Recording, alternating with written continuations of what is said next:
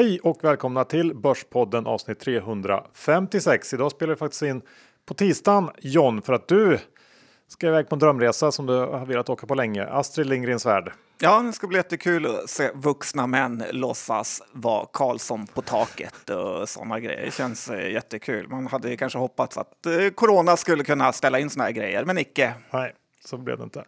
Hur som helst, vi har ju en huvudsponsor och det är såklart CMC Markets som har ett otroligt utbud för den tradingintresserade. Ja, och det är väl alla som lyssnar på den här podden. Så att en rekommendation inför sommaren är ju att signa upp sig som kund hos CMC. Antingen på ett livekonto eller demokonto om man vill eh, smygstarta lite. Med CMC Markets så ges man ju otroliga möjligheter att verkligen kunna ta den där traden som man är sugen på. I valutor, råvaror, kryptovalutor och såklart eh, aktier. Utbudet är ju helt otroligt. Det är det verkligen. Och är man intresserad av teknisk analys så är deras morgonbrev verkligen en höjdare då CMC um, tar teknisk analys på allvar med en grundlig genomgång varje morgon. Ja, så signa upp er på ett konto och kom ihåg, det finns alltid risker med CFD-handel. Ja. Idag John så blir det någon slags post-corona sammanfattning av dig. Det blir lite sport, det blir lite eh, Robin Hoodare, eh, det blir eh, en positiv vinstvarning. Vad blir det mer? Ja, också att det finns, det finns alltid någon som är tuffare än vad du själv är där ute. Det låter som att det här kan bli ett kanonavsnitt. Och så lite tandläkare. Kanske. Mm. Eh, men innan vi kör igång John, så är vi också sponsrade av Lendify. Och när det gäller försenade betalningar så eh, tänkte vi ta upp det här att de försenade betalningarna för maj månad är tillbaks på normala nivåer. Lendify såg en uppgång i försenade betalningar under april på ungefär 20% i förhållande till föregående 12 månader. Men den här ökningen har efter maj då helt suddats ut och eh, kunderna betalar bra och det här är ju positiva nyheter för alla sparkunder hos Lendify. Ja, vi har ju en stor del av vårt företags pengar där och det kommer vi fortsätta med. Johan, hur gör man om man vill ta del av den här fantastiska gratislunchen? Ja, det är ju då att man får 500 kronor om man stoppar in och investerar minst 20 000 kronor. Eh, det tycker man man ska eh, ta del av och för att göra det så går man in på lendify.se Borspodden. Johan, Dr. Bass Isaksson index är i 1650 och eh, det är lite rallymani på börsen även om det är otroliga svängningar intradag. Eh, vad säger du? Guida oss. Ja, men vi fick ju äntligen den här rekylen eh, som vi pratade om förra veckan och nu har det studsat, studsat upp en del sedan dess. Men det är inte så mycket att säga om, om att det har gått ner. Eh, det var välbehövligt. Jag tror nog att vi kan komma ner en bit till här. Eh, men den här oron för en andra våg eh, ger inte jag så mycket för egentligen. Världen är på väg att öppna upp eh, och kommer inte reagera på samma sätt nu som då eh, om det här viruset får enstaka utbrott igen här och där. Så att jag tror att återhämtningen kommer att fortsätta och det innebär väl också att jag på något sätt tror att eh, den här dippen eller rekylen eh, som vi är inne i på något sätt eh, kommer vara ett köpläge. Okej, okay, så är du lång eller kort eh, just nu? Ja, men lite både och. Eh, okay, ja. Lite oklart, men eh, jag tror att det kan komma ner lite till, men det, det ska ju inte ner till några bottennivåer, det tror jag inte. Nej, det Nej. låter eh, som ungefär det jag kan skriva under på också. Ja. Eh, du var inne på det här med att det alltid finns eh, större fiskar. Ja, i USA säger man att there's always a bigger fish och eh, det betyder ju att det spelar ingen roll hur framgångsrik man är så finns det alltid någon som är lite bättre ändå. Och eh, jag tänkte faktiskt det eh, på det när jag läste ett reportage om JP Bullhounds per roman, eller roman, vad säger man Johan? Jag vet inte, Roman tror jag. Okej, okay, i veckans Affärsvärlden här. Då står det så här. När Affärsvärlden ska planera fotografering är han snabb på att föreslå fotograf med motivering. Jag antar att ni behöver en bra bild för framsidan. Ganska så kaxigt och hyfsat ocharmigt eh, sagt. Det är nästan som eh, något jag själv skulle kunna säga i och för sig. Eh, men det roliga är, sen när man tittar på framsidan, blev det en bra bild? Nej, men det får vi aldrig veta, för att det var Christer Gardell som norpade den och eh, det måste ändå gjort fruktansvärt ont för eh, Per Roman. Eh, och lite av ett klassiskt tecken på det här med bigger fish syndromet. Eh, eller vad säger du? Ja, absolut. Kul iakttagelse där som du har gjort.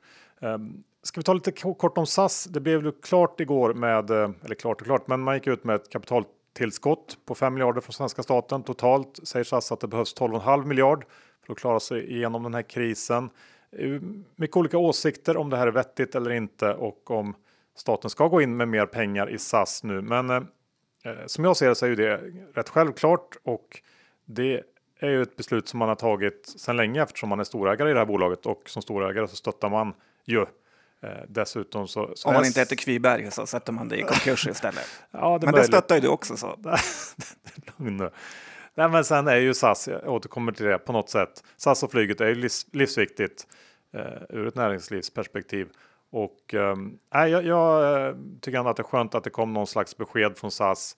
Eh, jag tycker också att att det liksom var dags för ägarna att gå in och ta sitt ansvar. Det har tagit lite lång tid tycker jag. Man har inte hört någonting från SAS och SAS har ju istället då använt sina kunder som bank, eh, det vill säga mig, och valt att inte betala tillbaks eh, för biljetter som de inte har levererat någon flygresa för. Nej, jag hörde att de var skyldiga kunderna 6 miljarder kronor i eh, biljetter som de har fått förbetalt för som de inte sen betalar ut. Men vad gäller ägarbilden i SAS är den ju rätt kass då vi har eh, liksom Gerald Engström som äger 3-4 procent av aktierna. Så jag tror inte de snubbarna kan hosta upp några 12 miljarder om det skulle behövas. Eh, men såklart, det behövs ett flyg för Sverige så vi får se vart det går ja, vidare. Rimligtvis blir det väl en en enorm utspädning och eh, dagens aktieägare Ja, det är väl inte så mycket att hämta hem med den aktien eh, här på de här nivåerna gissar jag. Nej. Eh, men, men jag tycker att det är bra att de försöker lösa det. Eh, tandläkarbesök ja. Eh, jag hörde här i veckan att eh, tandläkarbesöken har minskat med 40 procent eh, jämfört med förra året. Det är en miljon färre besök eh, och det är då sedan mitten av mars fram till nu någon gång antar jag. Eh, det är ganska mycket och kanske inte liksom en, en helt solklar effekt av corona. I alla fall inte det man första man tänkte på. Eh, och det kan ändå vara någonting att fundera lite kring om man är Lifco-ägare. Lifco som har en stor dental eh, verksamhet eh, och eh, Lifcos aktie har ju studsat rejält uppe på all, all time high igen. Jag vet inte. Eh, ja, Nej, tandläkare och rivningsmaskiner. Lifco, eh, frågan om de är värda den mega monster premiumvärderingen som eh, de har. Tveksamt, Litet, liten varning där bara. Eh, någonting roligare John, det är ju att Premier League drar igång igen. Jajamän, de drar igång på onsdag. Tyska ligan har ju startat och även spanska. Eh, men jag är lite orolig för att det här med spela utan publik devalverar hela sporten. Jag brukar tittar extremt mycket på fotboll, men känner faktiskt inget eh, sug alls egentligen här. Och eh, vi får se hur det känns om en vecka.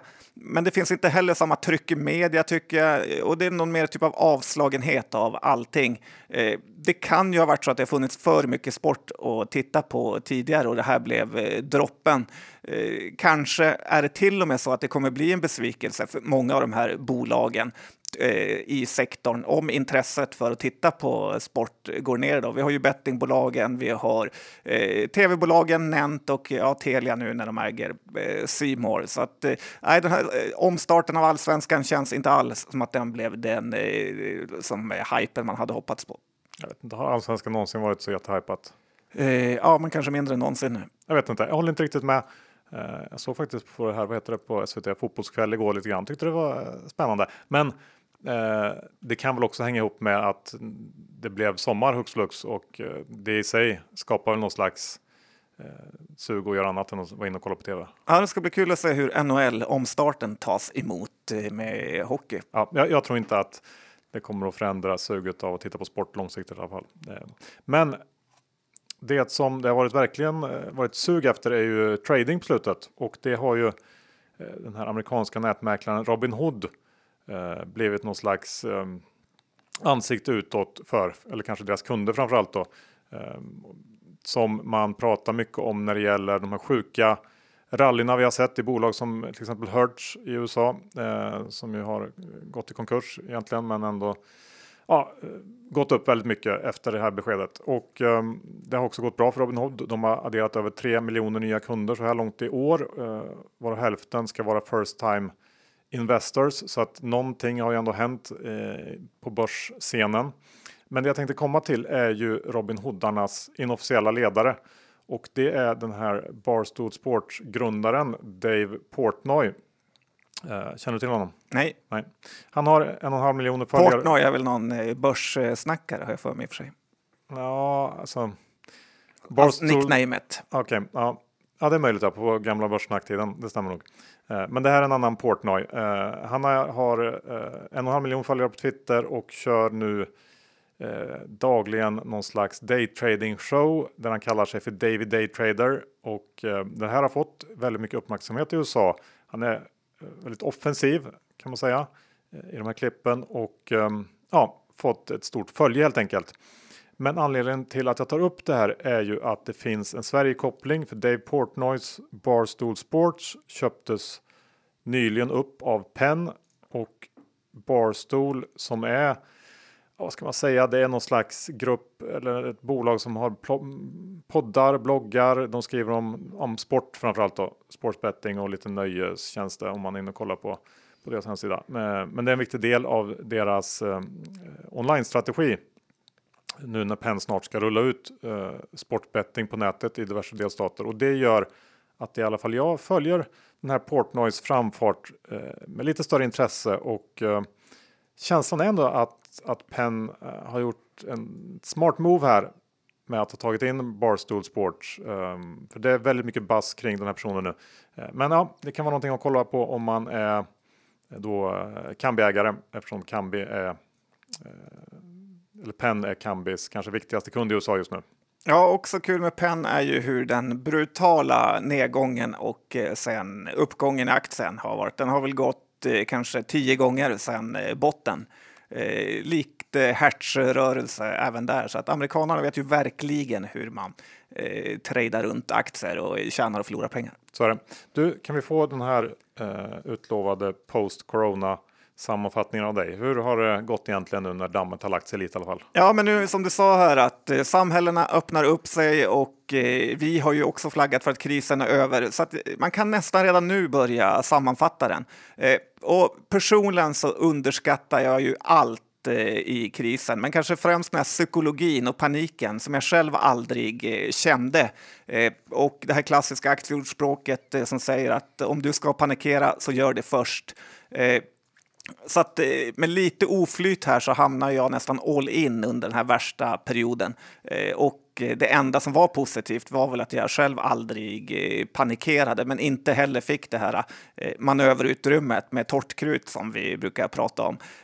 Men det hamnade absolut mest fel av alla fel var ju i spelbolagen. För eh, min tanke var ju att man kanske får spela utan publik, eh, men det kommer fortfarande gå att betta på matcherna. Men jag tänkte aldrig att eh, spelarna skulle kunna eh, bli smittade eller att de skulle smitta varandra och att man inte ville spela matcher för att folk då skulle samlas på pubbar eller utanför arenan som det blev då. Och eh, sen fick man ju något kombinerat hat från politiker mot de här eh, bolagen som känns lite eh, ja, men eh, borta nu. Så det blev ju liksom en riktig shitshow som de säger i USA. Eller är det clusterfuck? Vad säger man? då?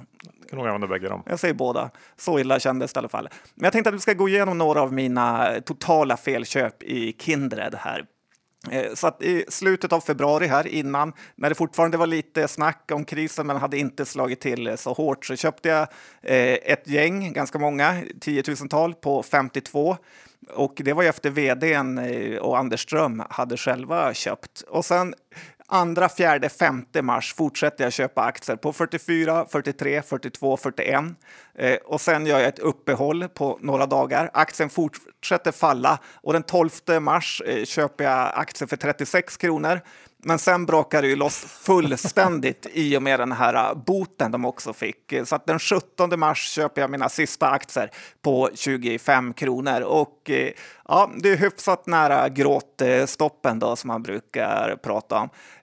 Så att, eh, sen går det ganska fort här innan aktien vänder upp och jag minskar mitt innehav eh, eftersom. Men eftersom jag kom in så brutalt fel så blev den här aktien aldrig så bra som det hade kunnat blivit. Jag vet inte ens om det blev bra totalt. Eh, så att det här snacket som alla värdeinvesterare kör med att det är viktigare med time in the market än timing the market är ju helt fel faktiskt. Och tittar man på Kindred nu så är ju aktien fortfarande i 52-3 strecket. Så att eh, nej, det var inte. Det gäller att välja rätt aktier också.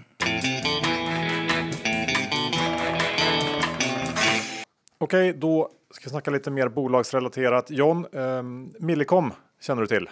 Ja, Tigo, Ja. en av de sämsta operatörerna på börsen under en lång period.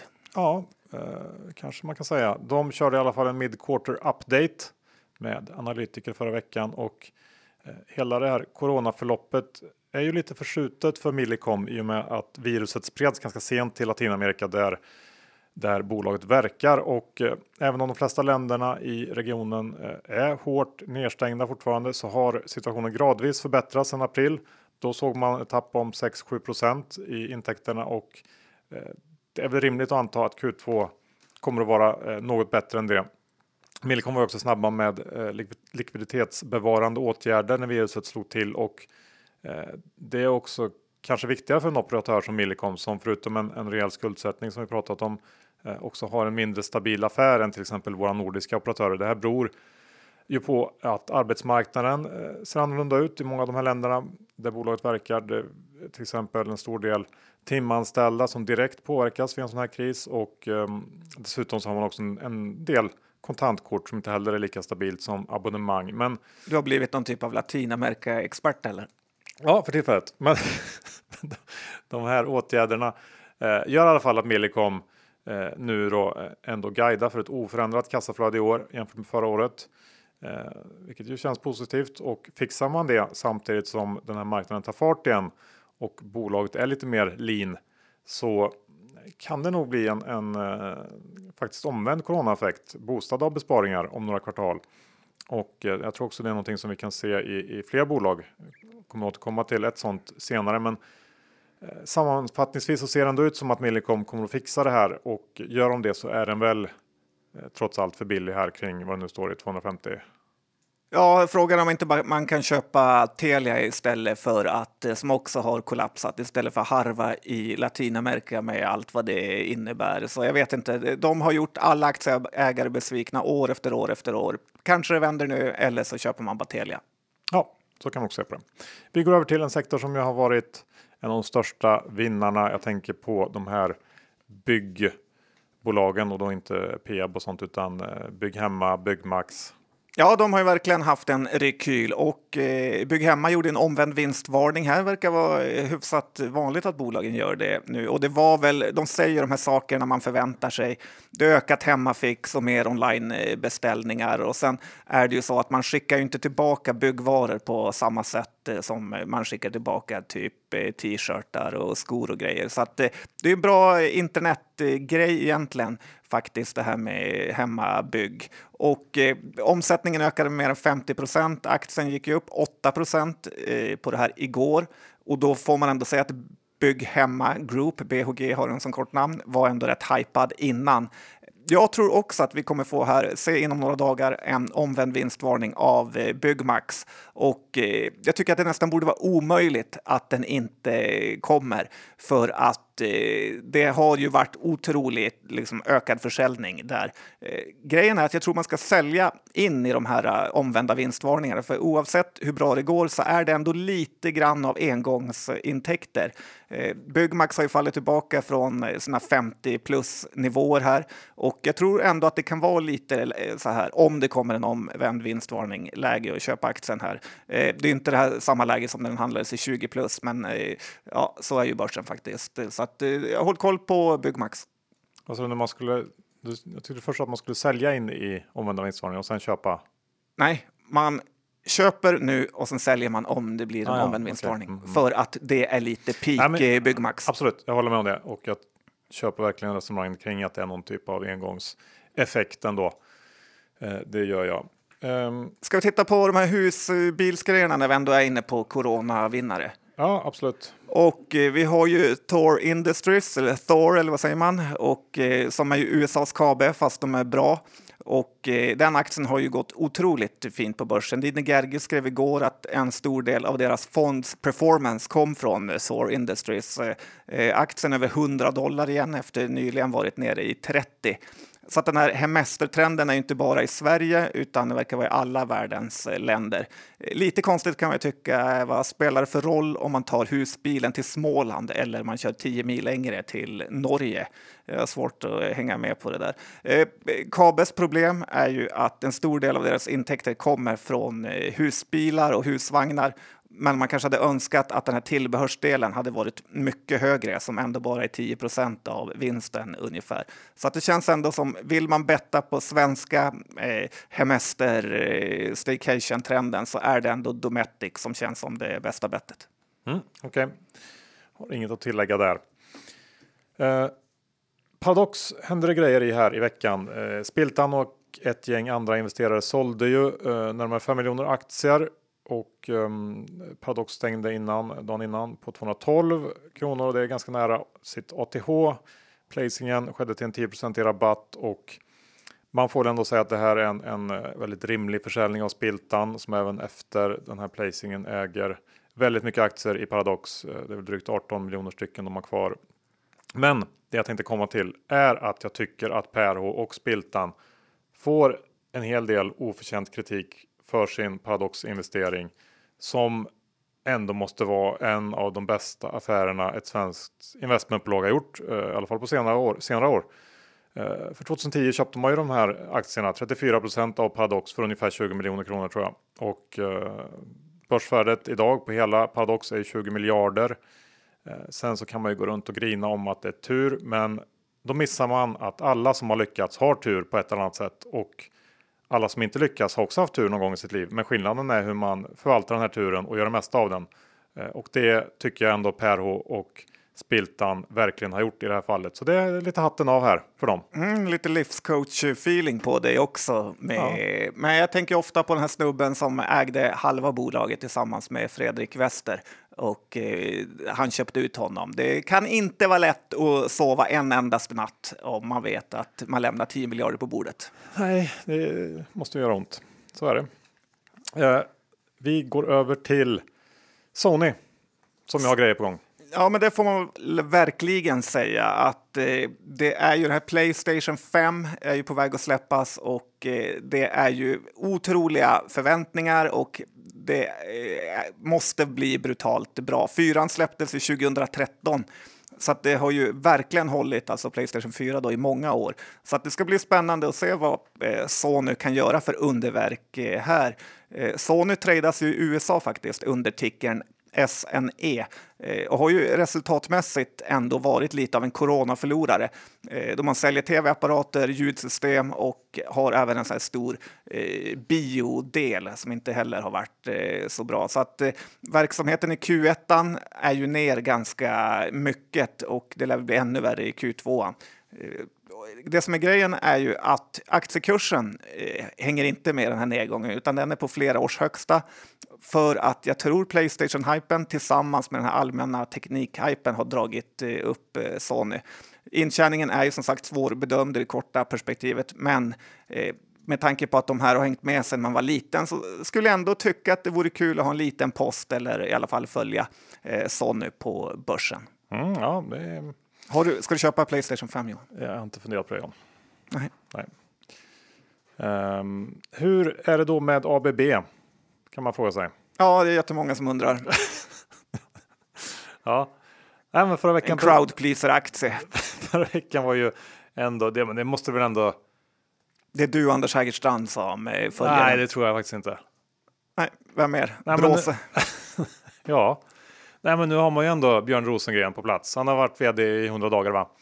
Och i förra veckan presenterade han ju sin Äntligen då får man säga sin nya plan för ABB och eh, det var väl inga jättenyheter i och för sig som du säger eh, för den som har följt Rosengren. Det är den här Atlas-modellen som ska implementeras och det innebär då decentralisering och i ABBs fall så ska bolaget delas upp i 18 enheter med eget resultatansvar och levererar man inte så ryker man typ är väl det de vill säga. Ehm, lönsamheten i varje enhet ska ligga minst i nivå med koncernmålet och eh, ja, man ska vara ett eller två på sin marknad och så vidare. Och när det gäller de, de finansiella målen så upprepar man bara dem. Det är marginalmålet som ligger på 13 till 16 procent och tillväxt på 3 till 6 procent. Men eh, här kan man väl ändå ana att lönsamhetsmålet är någonting som man kanske kommer att skruva upp framöver för att eller i alla fall tajtas till eftersom Rosengren själv menar att ABB ska klara av en 15% i marginal i snitt. Eh, men nu är det i alla fall upp till bevis. Lyckas eh, Rosengren så finns det uppsida i ABB och ehm, det har ju inte levererats alls egentligen under de sista åren så att det borde ju finnas lite möjligheter för honom där att eh, skruva till grejer. Så att jag vet inte, det kan vara någonting eh, för en lite tråkigare då att titta på. Ja, verkligen. Man känner ju redan hur jobbigt det är att vara underchef på ABB och få liksom jättemycket krav på sig som man inte orkar genomföra knappt. Nej, Kanske så. inget för mig. Nej, det tror jag inte. Du... Vad tror du? Nej, jag tror inte att det är någonting för dig. Mm. Eller jag vet skulle jag säga snarare. Mm. Bara alla mig. Du, ja. Nej, vi ska inte gå in på varför. Det finns så många olika argument till varför du inte skulle kunna. Både för och emot Johan. Nej, det finns nog nästan Jag kan inte komma på ett enda argument till varför du skulle få en enhetschefsposition på ABB. Tack för att du stärker mitt CV. Inte ens med tur skulle du få det. Trots att jag förvaltat den dåligt. Ja. Eh, vi går över till Enea. Ja, men det här är ändå ett kul bolag som fick en sån 24 miljoners order i euro då, inom 5G och det är väldigt positivt för Enea och bolaget. Eh, marknaden har ju oroat sig för hur, hur Enea ska klara det här skiftet till 5G. Men att eh, få en sån här pass stor order visar ju att man definitivt är med i det här 5G-racet. Och Enea har ju alltid haft någon typ av orosstämpel över sig. Eh, förut var det att man hade eh, för få kunder. Det var typ Nokia och Ericsson som var de enda kunderna. Sen var man orolig att de bara sålde hårdvara och nu är oron att de är, inte ska vara med i det här 5G-racet här. Så att eh, aktien är 15 procent i år och jag tror att man ska eh, hålla koll på Enea för att vdn här känns extremt bra. Och börjar det trilla in lite mer 5G-ordrar så ja, kan den här gå riktigt, riktigt bra. Ja, härligt. Eh, ska vi ta ett bolag som rimmar på Enea då? Ja, vad då? Ambea. Ambea, ja. Skriv inga dikter Johan. Men vi kan säga så här, det här är också ett eh, intressant eh, trade-läge. Eh, nu aktien var ju eh, innan den här minirekylen som du har pratat om uppe på 60 kronor och då kom det en placing på, får man säga, svaga händer och kombinerat med dåliga börsdagar så gick ju aktien under 50 kronor. Och jag tycker ofta letar sig aktiekurser tillbaka mot de här placing-nivåerna när de, eh, lössen har rensats ut. Och fanns det köpare på 57 så borde det också finnas på eh, 49 typ om man säger så. Så att eh, nyligen köpte ju finanschefen här några tusen aktier och jag tror de flesta storbankerna jag tittat på eh, Nordea och så har ju riktkurser på över 70 kronor. Så att eh, har de inte räknat helt fel så är det väl lite läge nu. Eh, risken som finns är ju att eh, Ambea är ju extremt högt eh, skuldsatta faktiskt och eh, Dessutom kan ju vårdhemmen få extra kostnader i och med eh, coronaproblemen här som ändå har varit under Q2. Lite störande också att den här vdn Fredrik Gren sålde iväg hälften av sina aktier den 18 februari på 71 just innan eh, alla var medvetna om eh, hur liksom, illa den här krisen var. Och för en månad senare stod aktien i 35 kronor. Eh, så att ja, lite svårt för vd som trejdar runt sina eh, aktier och utnyttjar, ja, jag ska inte säga informationsövertag, men ändå känns det oschysst på något sätt. Ja, nej, men det håller jag med om. Jag är lite mer tveksam än vad du är till Ambea och det är väl snarare eh, rätt självklart att de kommer få ökade kostnader väl på grund av det här. Jo. Svårt att se varför de, hur de skulle klara sig undan det. Nej, men det är också bara ett eller två kvartal. Sen kommer det väl tuffa på i åldringstrenden. Det tror du? Ja, kanske. Ja, eh, jag tänkte i alla fall avsluta med den här positiva vinstvarningen från Arjo. De meddelade ju förra veckan att... Eh, Arjo säger de själva. Ja, men... jag tycker det känns, känns snarare som att det ska uttalas med någon slags finsk brytning. Ja, kanske. När jag ser på, på det. Eh, men om vi lämnar det eh, och går över till den här positiva vinstvarningen. De meddelar ju att rörelseresultatet i Q2 kommer att öka med över 30% jämfört med Q2 förra året och det var eh, såklart betydligt bättre än väntat. Eh, det intressanta här är ju att försäljningen eh, väntas komma in i linje med föregående år och att det förbättrade resultatet beror framför allt på god kostnadskontroll genom hela värdekedjan. Viss positiv valutapåverkan, men det är framförallt kostnadskontrollen det handlar om. Eh, och tittar man på de här olika regionerna så är det uthyrningen i USA som står för den stora avvikelsen.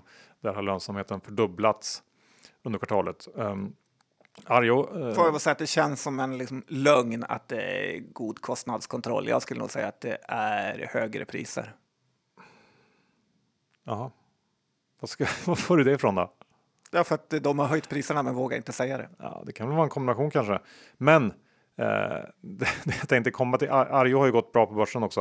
Eh, jag har ingen jättestark åsikt om den här aktien här. Eh, inte någon jättesugen köpare, men ehm, jag tycker att det är intressant att kostnadskontrollen har gett sånt stort avtryck i siffrorna. Och jag tror heller inte att Arjo är ensamma på något sätt om att ha tänkt på kostnaderna eh, en hel del extra efter eh, att corona slog till. Och jag tror också det är möjligt att det här är en effekt som vi kommer att se hos, hos fler bolag. Um, och ja, kan vara liksom någon typ av trend som kommer att dyka upp att man på någon slags positiv lönsamhetseffekt tack vare corona under kommande rapportperiod. Ja, men det tror jag också. Vi såg ju Sandvik idag eh, hade ju varsel och skyllde då på eh, liksom sämre efterfrågan. Jag tror många bolag eh, kommer eh, försöka hävda det för att lättare lyckas med nedskärningar med förhandling med facket och så vidare. Så att man behöver inte ta allt på allvar, utan det är nog bra att företagen får effektivisera sig lite.